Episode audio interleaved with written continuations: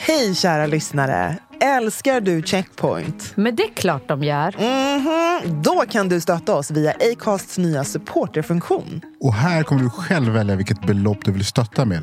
Och framförallt, ingen bindningstid. Klicka på länken i poddbeskrivningen och hjälp oss hålla podden i liv.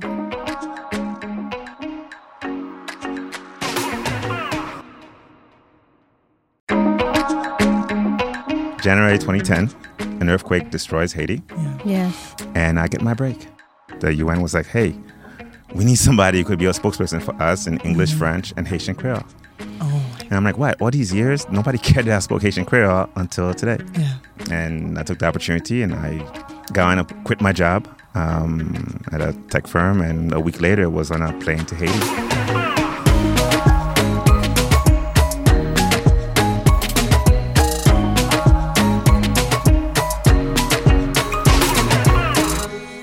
Välkomna till Checkpoint, ett safe space i poddformat där vi pratar om allt ifrån politik, populärkultur, karriär, kreativitet, you name it.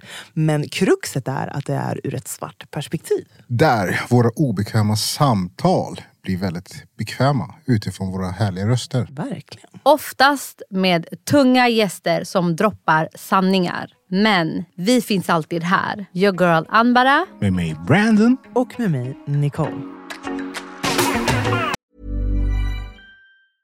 I'm Sandra, and I'm just the professional your small business was looking for. But you didn't hire me because you didn't use LinkedIn jobs. LinkedIn has professionals you can't find anywhere else, including those who aren't actively looking for a new job but might be open to the perfect role, like me.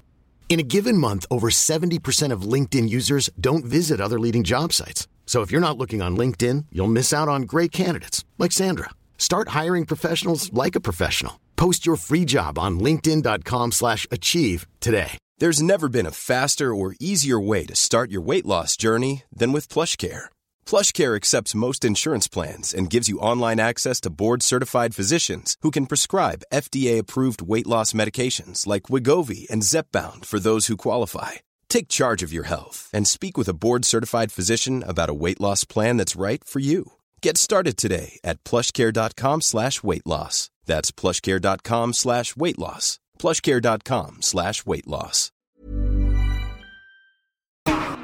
Welcome to a special episode of Checkpoint. And as you can tell, this week's episode will be in English. We are joined by a special guest who has worked as a communications advisor at the United Nations around the world, specializing in diversity and inclusion. He is a humanitarian, a journalist, an acclaimed novelist, where his book God Loves Haiti was praised by the New York Times. This Harvard alum has globetrotted his way around the world, and the stars have aligned as he now resides in Stockholm, working as a senior advisor at the sustainability consultancy Ethos, which is a stone's throw from where we are meeting at ACAST today here in central Stockholm. We are so honored to have you here with us today. So, a big welcome to Checkpoint, Dimitry Léger. Thank you. Welcome. Thank you. Thank you. Thanks for having me. I think we are kind of starstruck to have you here, to be honest. Yes, after reading your amazing resume. Thanks. Um, I love the podcast.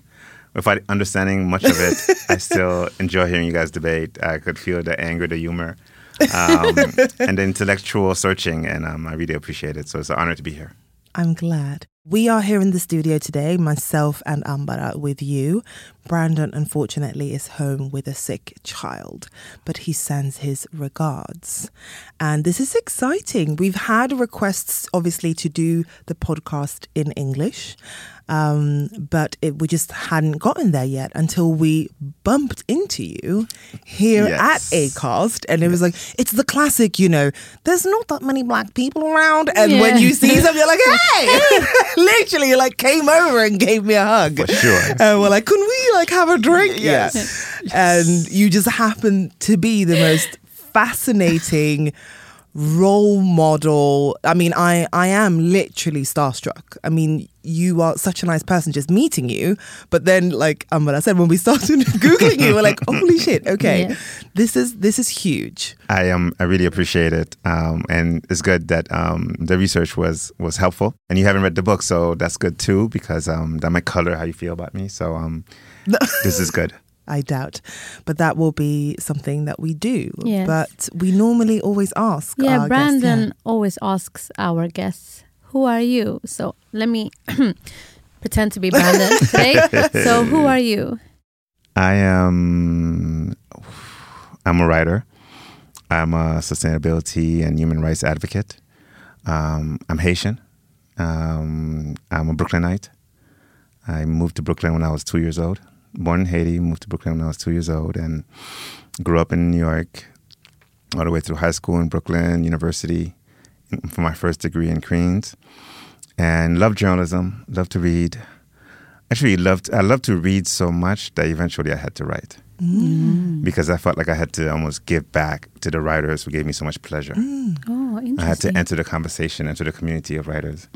So um, it was a debate between an English major and becoming a teacher, or make money immediately, which was which was journalism. Um, and this is the '90s when there were actually very good jobs in journalism. Yeah. There were amazing magazines. Yeah. There were always good newspapers, but there were amazing magazines at the time. And um, I wanted to enter that world because I love reading them. And um, I became a journalist in the 90s and I'm in my 20s and wrote about hip hop for a long time. Interviewed all my favorite rappers. Who did you? yeah, that's what I want to know. Who did I you mean, interview? But people who are still around, like, you know, Snoop Dogg, um, Diddy, um, Nas. Snoop Double. Oh, Yep, Double OG. Um, Double OG? And he nicknamed me. Um, he nicknamed me Narc. Narc. Why? Did I- you 'Cause of did you think that your aura was like a bit narc? I love that. That's Um, hilarious. We were. I was interviewing him in Miami during uh, Super Bowl festivities, and it Mm. was a basketball game. And after the game, we there were all the players were in the locker room. I wasn't a player, of course, but I was in the locker room hanging out. And of course, somebody broke out a joint.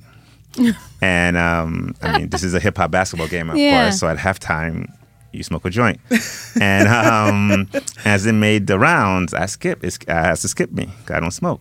Yeah. And um, You didn't puff puff. Nope. no, I didn't do it to impress um, the gang. And and it came back around. And I still passed. And then he was like, "Wait a minute.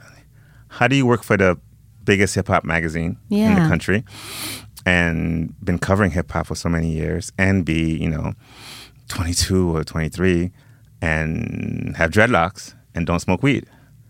And I'm like, "Well, because you know." Somebody has to be different. Yeah, true. Um, you could like Bob Marley and not smoke weed. Yeah, true. Um, you could look like Bob Marley and not smoke weed. True. And um, it's like, admit it, you're a narc. I mean, it, you're a narc. You're undercover cop. I'm like, no, I'm not undercover cop. Like, you sure? You sure? And then they kept on smoking. Two hours later, at this point, I'm on clouds. I've never heard of before. And then, um, and somebody was new to the circle, and they was circling around. And then he, and that person tried to give it to me, and Snoop was like, "No, no, no, he doesn't smoke. He's the narc. Skip him." and um, and from then on, it's like five years later. Hey, narc, what up? So it's stuck. it's stuck. Yeah. It's stuck. Um, but I covered hip hop, and it was great. One of the highlights was De La Soul. I spent a week in the studio with them for the Face magazine, the UK magazine. Yeah. and then um, and that was great. They were working, they were recording the album called "Stakes Is High," and at one point they were doing a song where there's a group chorus, Yeah. and they asked me to join. No. Yes. How are you hiding all of this? Yes. Absolutely brilliant information. I can't. I can't even. I'm even. I'm That was a highlight. weak in the knees. After about five years or eight years of doing that, um, my opportunity came to become a business journalist, and um, I was like, "Why not? A new challenge." Um, interviewing tech and startup leaders. Um, back then, Silicon Valley was just starting up. It was just booming with the internet companies, and one of my first assignments was to go interview the Google guys. um, when they were just 15 employees. Oh, so they were really Um, small back then. Yeah, 15 employees that basically just started the thing, but it was blowing up. We didn't smoke weed. Um, different scene, but we skateboarded. Oh, you did. in Yeah. pool, you know. And that was more dangerous than um, smoking weed, um, the skateboard, because I was not that good. But we skateboarded and hung out for a few days in Silicon Valley. Um, and that led to wanting to be curious about working for companies inside Yeah. and seeing how you could help companies tell their stories better. yes, true. Um, and also along the way, I married a Swede. And I thought eventually we won't move to Sweden, but we might want to move to Europe. Yeah. Yeah. Um, it's easy, and, and I needed a career that was more mobile Yeah. than journalism. And um, so then I went in grad school and did international development. And as fate would have it, lucked into a job in Geneva. Moved to Geneva and basically lived there up until three months ago. And moving here, um, moving to Stockholm. But yeah, I, I got into um, advocacy, championing sustainable development, um, economic collaboration, and got to live out another dream, which was humanitarianism. Yes. And and actually, when I applied to grad school in 2001, the first sentence was, "I need this degree to get a job at the UN yes. um, in Haiti." And I wrote that letter in 2001, the application uh, essay. I started applying for jobs in the UN when I got to grad school in 04. Never got a, even an interview. And then January 2010, an earthquake destroys Haiti Yeah. Yes. and I get my break. Um, the UN was like, "Hey, we need somebody who could be a spokesperson for us in English, French, and Haitian Creole." Oh, And I'm like, "What? All these years, nobody cared that I spoke Haitian Creole until today." yeah. And I took the opportunity, and I got on, a- quit my job um, at a tech firm, and a week later was on a plane to Haiti. And How lived did in- it feel? Like going back to your motherland, but in a crisis? You know, there's no place like home. Yeah. like the cliche goes. Um, I knew I was flying into um, a complete mess. I mean, I'd seen the images on CNN, Yes. and um, it had freaked everyone out, and and I was not insensitive to that. But I have family there, and we were lucky enough that nobody got hurt. And it's about like 16 people, Yeah. like hus- cousins and their spouses and their two kids. We all had the same life, spouse and two kids, um, but they were there, and no one got hurt. It took two days of worrying, and then I got the news that mm. no one got hurt. Mm. Then I'm like, once again, we got blessed Yeah. because we've always been kind of lucky on the island, hmm. and 200,000 people died, and not one hair got touched in my family. So with that in mind, going in was like, okay, I got to give back. Yeah. It's the least I could do. Yeah. And I had my trepidations, but once you got to the airplane and they opened the door and you felt the heat, Yeah. and the heat in Haiti is equatorial heat, it's like fire. Yeah. Um, but once I felt it for the first time in a few years, it was like, I'm home. I'm home. And it was nice to be useful. Yeah. Um, it was more rewarding than anything I did before that, and more rewarding than anything I did after that, to be honest.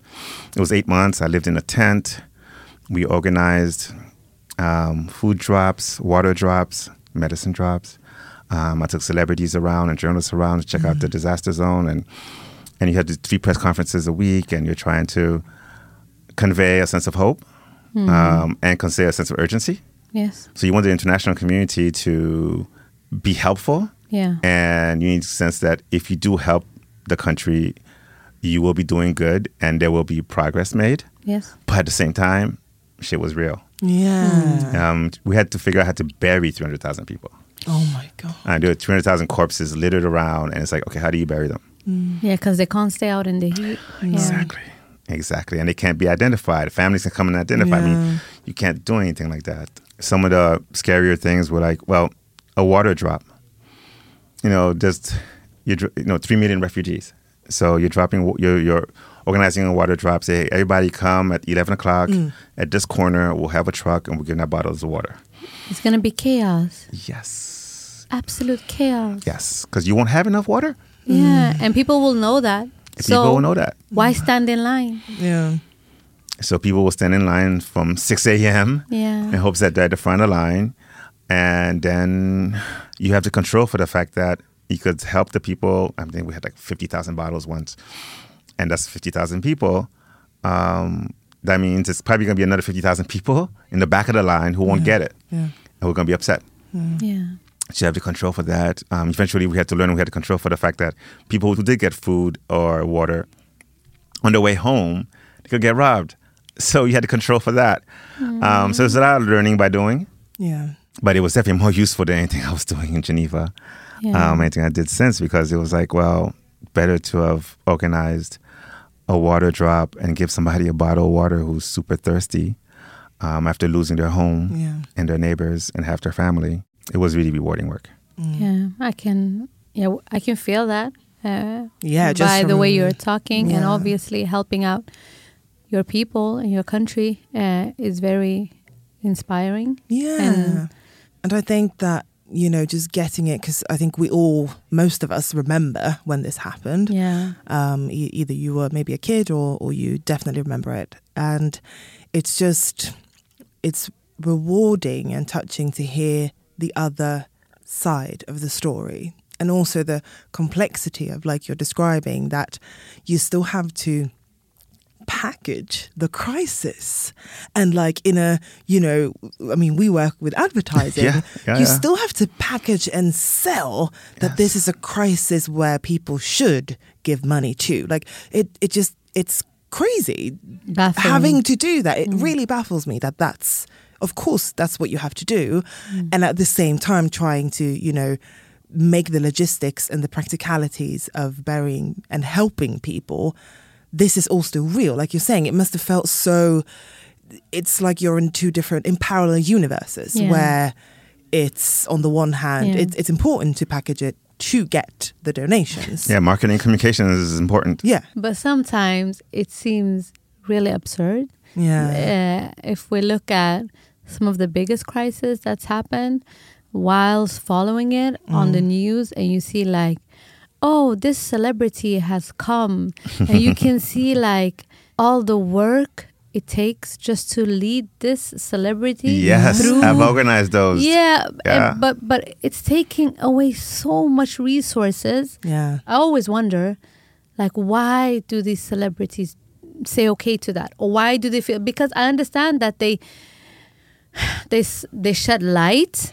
but they can also do it by maybe lending their social medias to people on the ground instead of them going down there because the logistics is ridiculous. It is, it is, but on a marketing standpoint, you just can't beat it. yeah I had to organize a lot of photo ops with you know celebrities and orphans.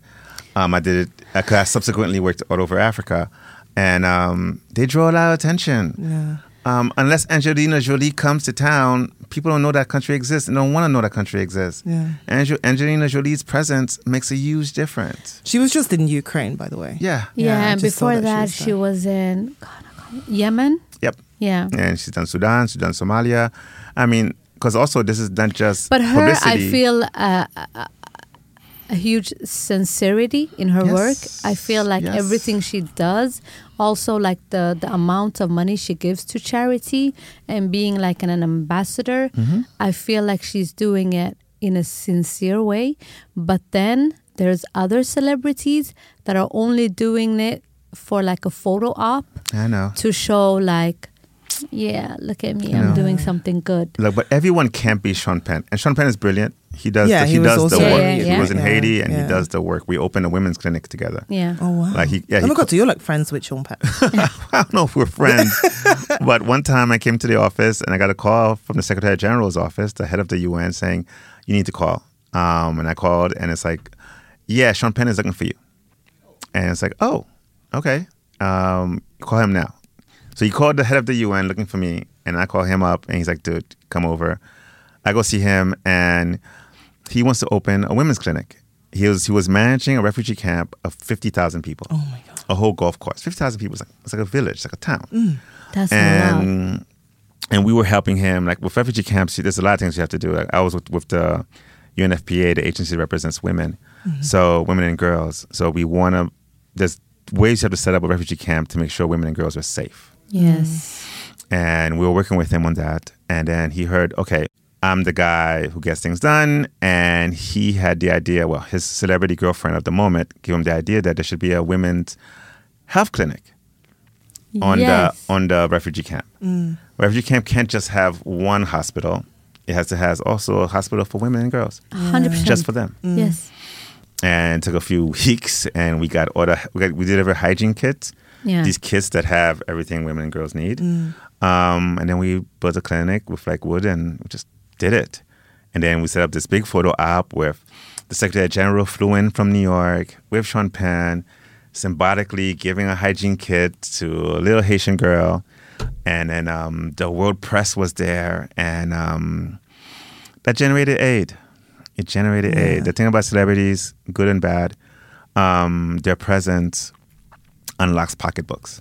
I understand, but some There's a lot of taxpayer money that pays for aid, yeah. and the taxpayers, when they when they're told to do it by Kim Kardashian, they're more persuaded than by me or by uh, an orphan. Hej, det här är Alice Bah Kuhnke och du lyssnar till min favoritpodd Checkpoint. Om du vill eh, få fler perspektiv på livet, om du vill skratta, kanske gråta lite, eh, skakas om, provoceras, eh, fnula fram någonting härligt utifrån andras tankar. Lyssna på Checkpoint.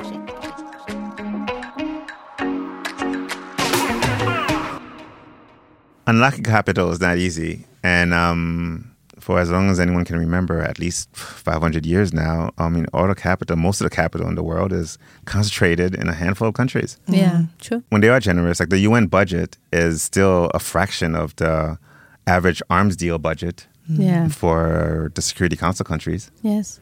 The five countries that that run the UN sell the most arms, and they also, you know, decide who does where peacemakers go.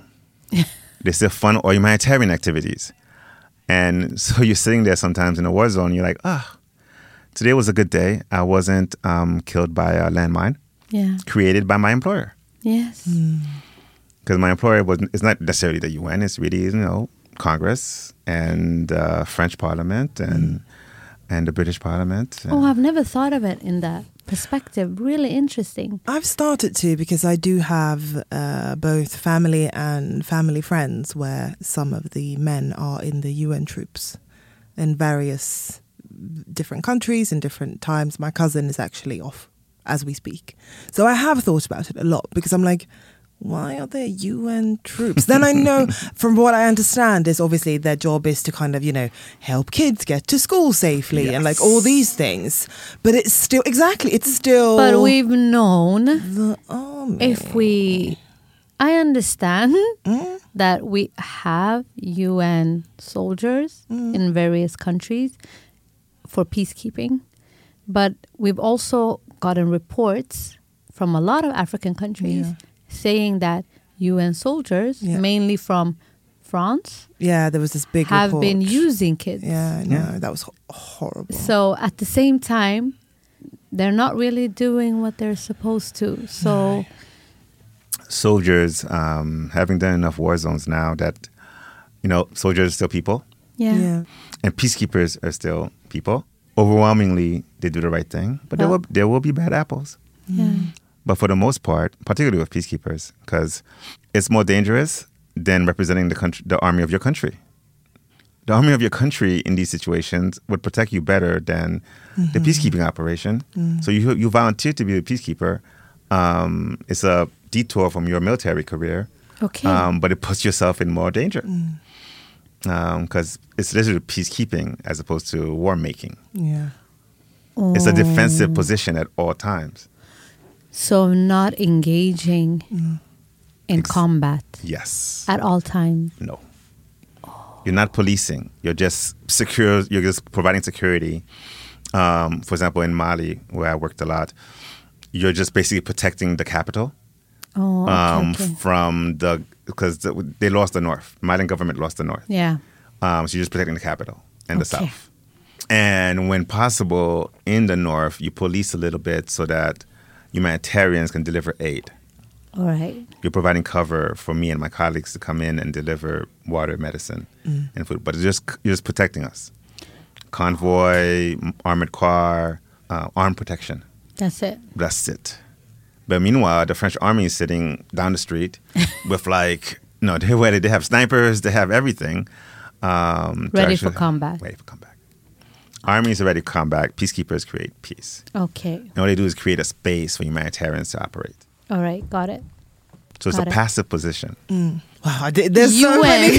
no, but like That's so many more after questions. being uh, like traveling to Kenya a lot with my family, UN has been like hopefully like one of them. Yeah, I would really like to work there in the future, Mm-hmm. but in order to really make good changes in the continent in Africa. Mm. My question to you is then what I've seen after going to like Kenya and seeing like uh, United Nations people working there or different organizations, most people on the ground are white. Yep. The typical, um, the difficult office situation was just like my office situation here. It was Yeah. just about like being in Stockholm. It's um, almost eighty percent of all management jobs in the UN are held by people from with Northern European passports, That's so crazy. and not European ridiculous. passports, Northern European passports. So basically, Northern Sca- European basically. Scandinavians, the Brits, um, the Dutch, and the French, French. and the Belgians and the Germans. Okay, within those 80%, what would you estimate the numbers to be in terms of diversity? they're 99% white. I mean, and occasionally you'd have me um, Yeah. with my American passport in it. There's not that many Americans working at the UN in the senior okay. levels because the U- American government does not insist on that. Hmm. The Americans donate the most money to the UN. Um, but most Americans who want to do foreign services, who want to deliver aid, go work for the U.S. aid agency, Yes, yes, yes. Yes. USAID. Yes. And I've the seen- USAID funds everything anyway. So it's like, wait, do you want to work for the UN who has to beg USAID for money, or do you want to work for USAID who gives the money? Yes, I've seen them do a lot Yeah, uh, they do right amazing now in work, Africa. and they fund Yeah. everything. So most Americans go there. I happen to get caught up in the UN because I lived in Geneva, Yeah, and um, and I specifically wanted to be a humanitarian. yeah. But turns out, yes, non-Europeans run the organization That's so crazy. because for every money, every dollar they give, they insist on jobs. So every dollar Sweden gives, Norway gives, um, Germany gives. The Brits run all the communications operations everywhere, uh, and the French run everything administratively. That's why the, the UN has two languages, official languages, English and French, and most people are French. Most of the places run in French. So you have to be very fluent in French to, to operate there. Hey, I'm Ryan Reynolds. Recently, I asked Mint Mobile's legal team if big wireless companies are allowed to raise prices due to inflation. They said yes. And then when I asked if raising prices technically violates those onerous two year contracts, they said, What the f are you talking about, you insane Hollywood ass? F- So to recap, we're cutting the price of Mint Unlimited from $30 a month to just $15 a month. Give it a try at mintmobile.com slash switch. $45 upfront for three months plus taxes and fees. Promo rate for new customers for limited time. Unlimited more than 40 gigabytes per month. Slows. Full terms at mintmobile.com. Many of us have those stubborn pounds that seem impossible to lose, no matter how good we eat or how hard we work out. My solution is PlushCare. PlushCare is a leading telehealth provider with doctors who are there for you day and night to partner with you in your weight loss journey. They can prescribe FDA-approved weight loss medications like Wegovy and Zepbound for those who qualify. Plus, they accept most insurance plans. To get started, visit plushcare.com slash weight loss. That's plushcare.com slash weight loss. We can talk about this for, for hours and hours, but we, we do only have limited time. But I, I, it was interesting the parallel that you made that working in the UN, which I think for many is a is a dream. I know, just like you said, Ambara, it's always been a dream of yours. Yes. I've had the same dream. You know that that was kind of the goal. That's the epitome of you know not just success but also making a difference because many of us do want to change the world. I know Yeah. I do. Um, so, but it was just interesting having that parallel, knowing that it was a, a really, really big dream of yours when, and you're saying it was still some of the best work and the best experience you've ever had. And yet being there, you're still not able to, you know, do that and being fully yourself and having the parallel into yeah, it was it was all of these fantastic things, but it was still exactly the same or what it's like working in Sweden, as in being the only black person or one of few. Yes. Yes. It's interesting because the black middle class um, black people who are qualified enough to do these kind of works and doing this kind of work on a senior level is bigger in the U.S. than it is in Europe Yeah. because the U.S. has created all these policies because it's all about policy making. And since the '60s, the U.S. has these policies. So universities set up, you know, five percent of the spots in every university is reserved for people of African descent. Yeah. Five percent.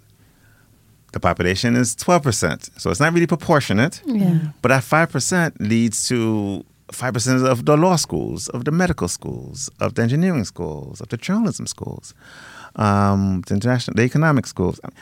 So that creates this huge brain power, um, Yeah. this huge talent pool, and has created tremendous wealth. You know, Black Americans are probably the wealthiest group of Black people on the planet because their per capita income is insane compared to elsewhere.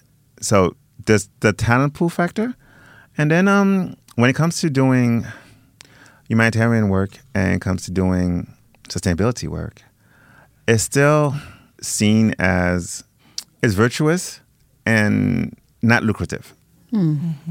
So at my firm here in Stockholm at Ethos, you know, recruiting is a challenge because when recruiting people who want to do sustainability, uh, they tend to be in their twenties and idealistic and come from families that can afford you to take this detour, Sure. as opposed to going to PwC, BlackRock, Goldman, Yeah. um, or one of the massive car companies or energy companies to do the same thing. It's really hard. It's really it's not as lucrative as doing it in house Yeah. and at a firm. So I remember when I was talking to the role, for me it was like, okay, well, this is what we do in the UN. We advocate for these stuff, for this stuff. We invented all these terms. Yeah. You know, all this climate action and human rights and gender equality. We the sustainable development goals. We invented Yeah. those things twenty years ago. And Yeah. I never thought anyone was listening as a spokesperson. But turns out there was a firm here in Stockholm that's been doing this for 15 years, Yeah. getting struggling to get you Swedish companies to care about the environment, to care about diversity, to care about human their human rights footprint, um, all across their stakeholder chain, their Yeah. supply chain. They've been doing this for 15 years. Now it's trendy. Now it's hot, but it's still a challenge to get a hot young lawyer to come through and do human rights advocacy, um, due diligence, because we do due diligence. We go to the deep in the minefields, deep in the cornfields to see whether the people you're employing to make your clothes or to farm are being paid a fair wage and not being abused. Companies hire us and send us out there to do these things. Yes. A law firm that hires you to do this would pay you a lot more than we could. So there's a challenge of getting people under over the age of 35, for example.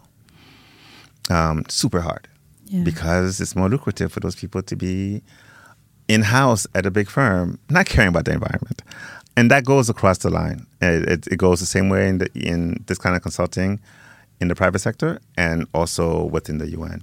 It's it's competitive talent pool. Um, it's hard to make the case for the average black person, for the talented actually black person, to leave lucrative opportunities in Stockholm, in Copenhagen, and to go down to um, Africa for less to pay and um, more danger. Um, it's a hard sell. It's a really hard sell.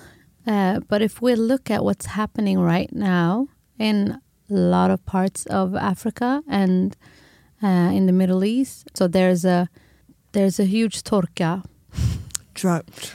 drought. Yes, uh, and uh, this drought is uh, like really getting worse. Like the the crisis is added with the food crisis, uh, mainly because of the lack of grain uh, that used to come from parts of uh, Ukraine. Ukraine. hmm Um, yeah, leading to that a lot of people are basically starving. Yes. Yes. And it's going to get a lot worse. The economy is quite globalized, so it's kind of Yeah. hard. It's, everybody's kind of interdependent. Yeah. Um, one role we can play um, as people with um, dual backgrounds um, is that convincing the, nor- the NATO countries to share their wealth in a fair way with the developing countries. Basically, if people as talented as you guys and your friends were working for the Swedish aid agency, then you could bridge the gap between their feel and understanding of the challenge being faced by Kenya, for example. As uh, you could help play both sides and help them channel the aid right. Yeah. Like for example, the problem is going to be really bad. Uh, the energy prices Yes. and wheat and all those things are going to be really it's going to be bad here. Yeah. It's going to be extra awful in Africa. So we got to make sure there's money in the budget that's generated, that's channeled towards um, the various developing countries, Yeah. the least developing countries that need this. Yeah. Yeah. And the case can be made better made in house Yeah. at this at Sida. I Yeah. think it's a, it could be better made. Um, it can be well made by everybody, but it could Mm. be better made by people like us, Yeah. Yes. people like you. I think that we're going to see, or we are seeing this change where, because it's not just, you know, first generation immigrant or whatever, or second generation, whatever they want to call people and us. It is, like you're saying, I mean, so many people that have lived for generations, or, Yes. you know, I was born and raised here, but there's kind of a, maybe there's a mole situation where you know we've kind of we've grown up and we've lived and worked in these white rooms for so Yeah. long we speak the language but we speak the other languages too So we can be diplomats. Exactly because we're diplomats now anyway. We're diplomats 24 7. that's very true I mean, we're diplomats 24 7, Yeah. code switching and, yeah and, and to get paid to do it. Yeah. And you get to do it while doing some good. Like I always remind my kids um, who, are, well, who are mixed and who grew up um, very nicely in Geneva that, hey guys, there's like two continents where everyone looks just like you. Yeah. Like if I picked them up and I dropped them in the middle of South America, um, no one would believe that they're Swedish. You know what I Yeah, mean? yeah, It's exactly. like uh, everybody That's here looks classic. like you're local. yeah. yeah. You're local.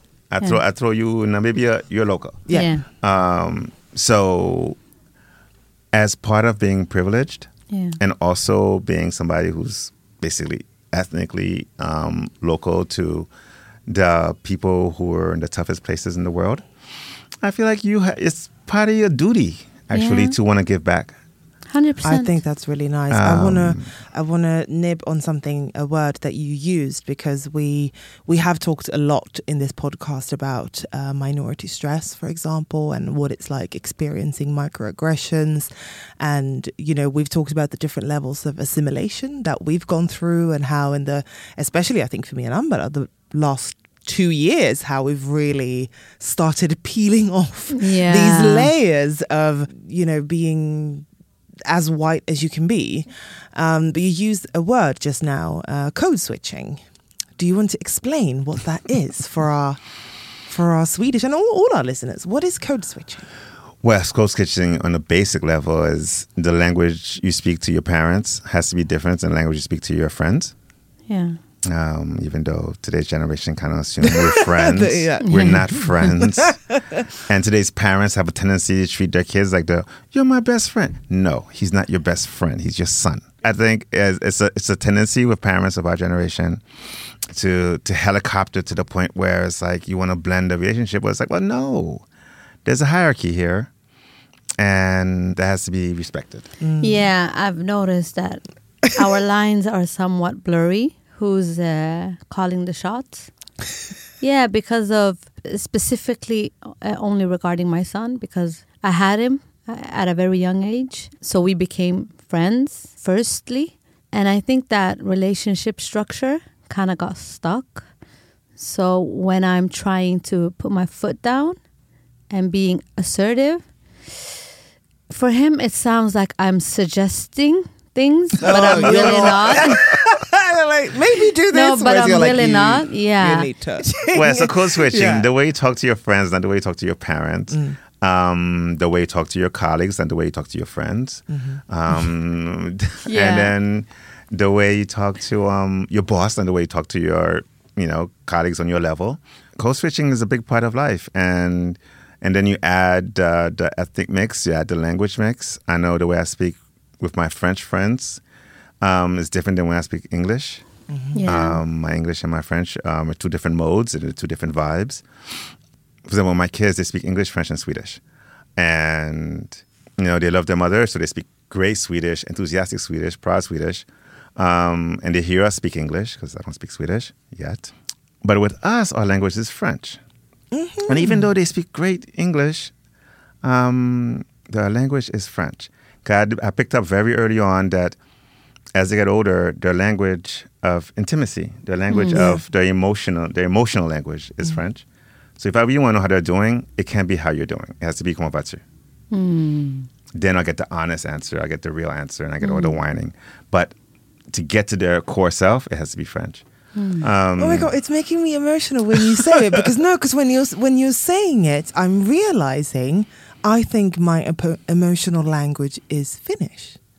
Like when you're saying it, like I know that if my mum would switch to, or like she always says good morning in Finnish, always, it's always huomenta. Yeah. Or like if it's like I love you, or just like th- that's it. It goes to the next. It's like um, it's like in Ratatouille when he eats the food and he's like, Yes. and he's zoomed back. Yeah. That's what happens in a. yes. It's just emotions, yes. which is crazy because like I don't speak much Finnish anymore. I speak it to my relatives, but it's not uh it's not good. but it's back there in the memory bank. but I'm quite. But now when you said it, It's deep in that child Wow. memory banks. So code, code switching can have a negative connotation because he was like, oh wait, so you have to talk a certain way with black people, talk a certain way with white people. Mm. But it's way deeper than that. It's ways you talk to family yeah, and friends who are like family, and the way you talk to everybody else.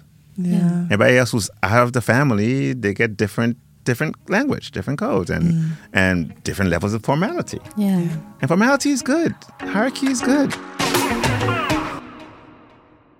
you're living in in Stockholm in Sweden. You've been here for Three months. Three months. Yeah. How how does that feel? It's it's been great. Um, my colleagues are great. They're the people I talk to the most. They're my only friends. Um, and Apart they've been from us. Yes, yes, yes. We're on the list with Snoop Yes. and Wu Tang Yes. I don't know. I'm just gonna. um, no, I got lucky in terms of my colleagues. I found a great apartment. I'm making new friends um, a little bit every day. Um, even the woman at the Migrationsverket, like I, I, I'm still working through the paperwork. Need to get a bank account and personal number and residency card. All those things are works in progress. yeah. The core of this move was to be closer to my children, and um, mission accomplished Yeah. even though um, now I get to see them in all the time, get to see them in different sides of them because I'm part of their daily life Yeah, now. yeah. Um, so now every time we get together, it's not special. Yeah. now it's like, okay, you're here, man. I'll see you next week. yeah. But you that's what you want. I mean, in what you're describing in the end, I lived abroad for, for 10 years, and that is no money in the world Nope. can buy that feeling. Being close to the, the people in that are the most important ones in your entire world, and family is so important.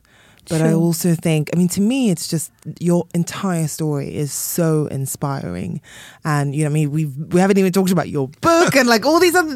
Literally, you'll have to come back for another episode.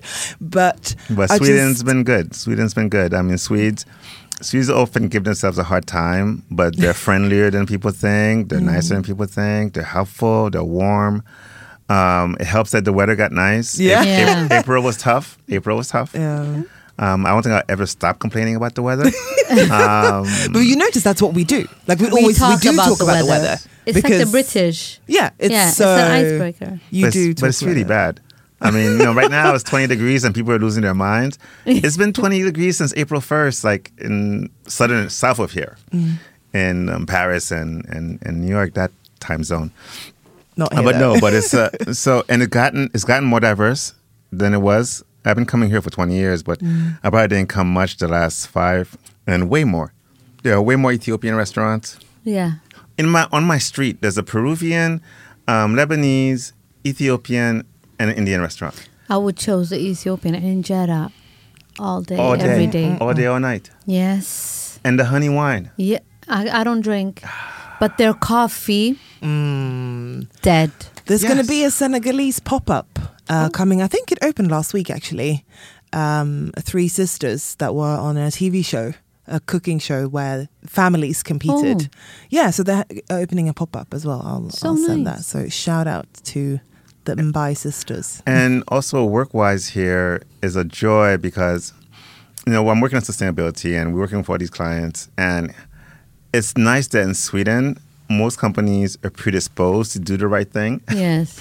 for the environment and even in diversity. Like, you don't have to, like, say, okay, we need to save the planet. Um, and you're gonna have to show how bad it, how badly we need to save the planet. Yeah. People know they get it. Now it's about implementation, Yeah. and that's kind of an oasis if you're into this kind of work because elsewhere people are still like, "Come on, how warm are things? How warm is the planet? Is global warming really happening?" You just have to fight that.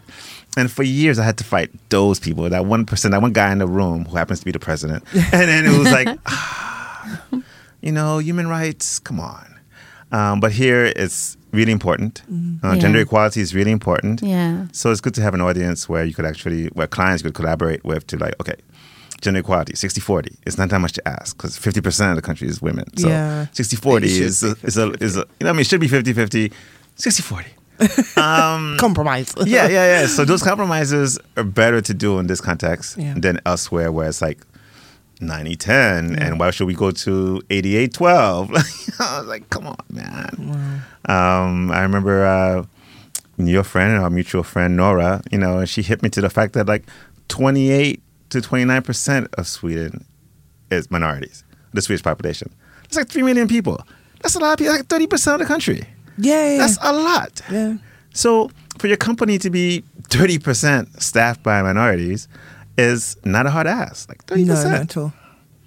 That means a ton of pools here, Yes. um, many generations and different levels of expertise. It's all there.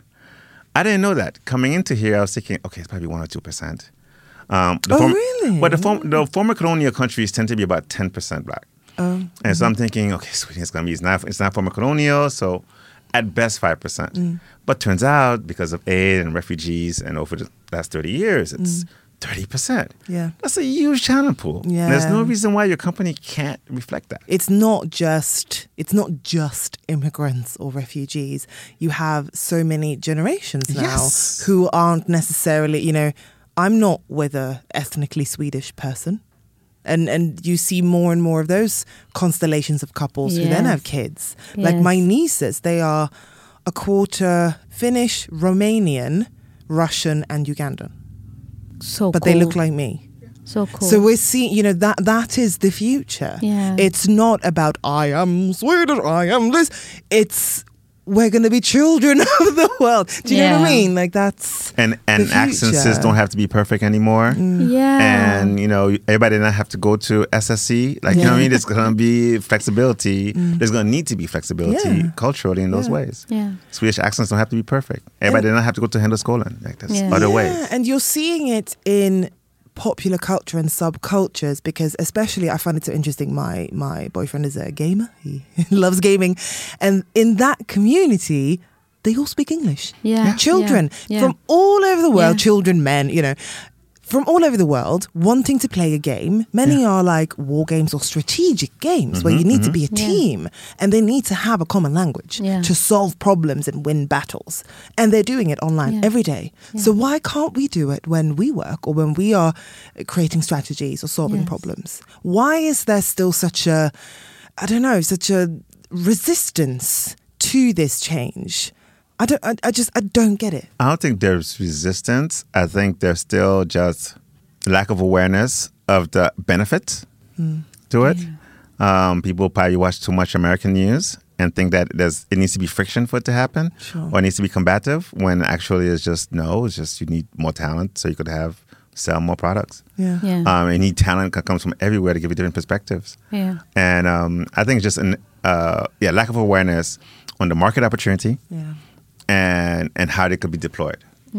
Um, HR is not as valued here as it is, I know, in America, um, and that's it's a huge role for HR.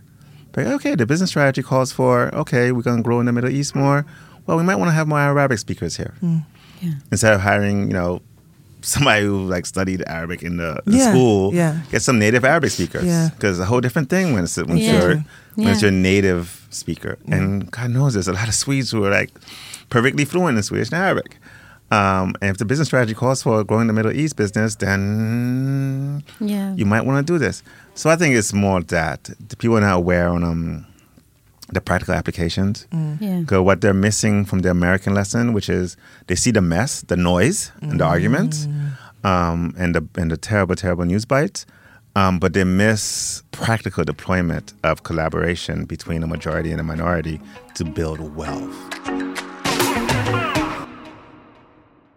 Wow, it's been an absolute pleasure uh, having this conversation with you, Dimitry, and just hearing hearing your origin story. like literally, you know, the the journey and the super cool moments with uh, hip hop legends. You being a legend yourself, your time in the UN and going back to, you know, the motherland, and now your life here in Sweden—it's been absolutely a pleasure and having our first episode In English. English. with you. Yeah. Thanks, thanks, thanks for making the leap. Of course. Um, Of course, anytime. and who knows, man? We, we do this again in Yes. five years. I might do it in Swedish. yeah, Who knows? yes. No, no, no. You'll you'll get there, and and even if not, English is the, It's or, or maybe it's up to us. We could do it in French. We Yeah, can why top up our French and, Yeah. and try and do it. Your friend. I will We'll- need we'll more give it than a go. five years. Well, yeah. you know, I listen to your podcast in Swedish, um, so I need to listen to Swedish to see how far I have to go. Yeah. And um, I told my teacher about the podcast. I'm like, hey, this is this podcast I'm listening to right now. And I don't understand a word, but we could use it for practice. And then she listened to your podcast. So she listened to a couple. And then she came back to me. She's like, they're too advanced for you. Your Swedish is way too sophisticated. Um, you're too far away from this. But nice try, though. Nice try. But you guys are brilliant and keep up the good work. you. Thank you so much. Thank you for coming. It's been a pleasure. Yeah. And thank you, amazing audience, for listening. Yes. We love you, and we'll see you Soon. next week. Yes. Bye. Bye. Bye. Hej, jag vill bara skicka ett stort tack till er. Ni är fantastiska och ni gör ett så fint jobb med att ta upp sådana viktiga ämnen som man kanske inte alltid kan prata om i alla rum och väcker viktiga tankar. Så tusen, tusen tack till er. Ni är bäst. Hörni gänget, glöm inte att subscriba på podden där du lyssnar på poddar och framförallt betygsätt. Give us them five stars. Five stars. Let everyone know att Checkpoint is here to stay. Och glöm inte att gå in och supporta oss på Acast Support. Följ oss på Instagram. Checkpoint understreck podcast. Checkpoint! Med mig, Brandon och... Your girl Anbara. Och Nicole. Syns! Hej då!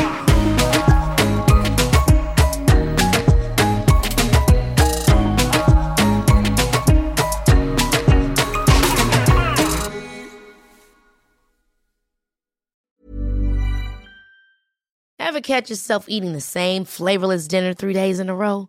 Dreaming of something better? Well, HelloFresh is your guilt free dream come true, baby. It's me, Keke Palmer. Let's wake up those taste buds with hot, juicy pecan crusted chicken or garlic butter shrimp scampi. Mm. Hello Fresh. Stop dreaming of all the delicious possibilities and dig in at HelloFresh.com. Let's get this dinner party started. Even when we're on a budget, we still deserve nice things. Quince is a place to scoop up stunning high-end goods for 50 to 80% less than similar brands. They have buttery soft cashmere sweaters starting at $50, luxurious Italian leather bags, and so much more. Plus, Quince only works with factories that use safe, ethical, and responsible manufacturing. Get the high-end goods you'll love without the high price tag with Quince. Go to quince.com/style for free shipping and 365-day returns.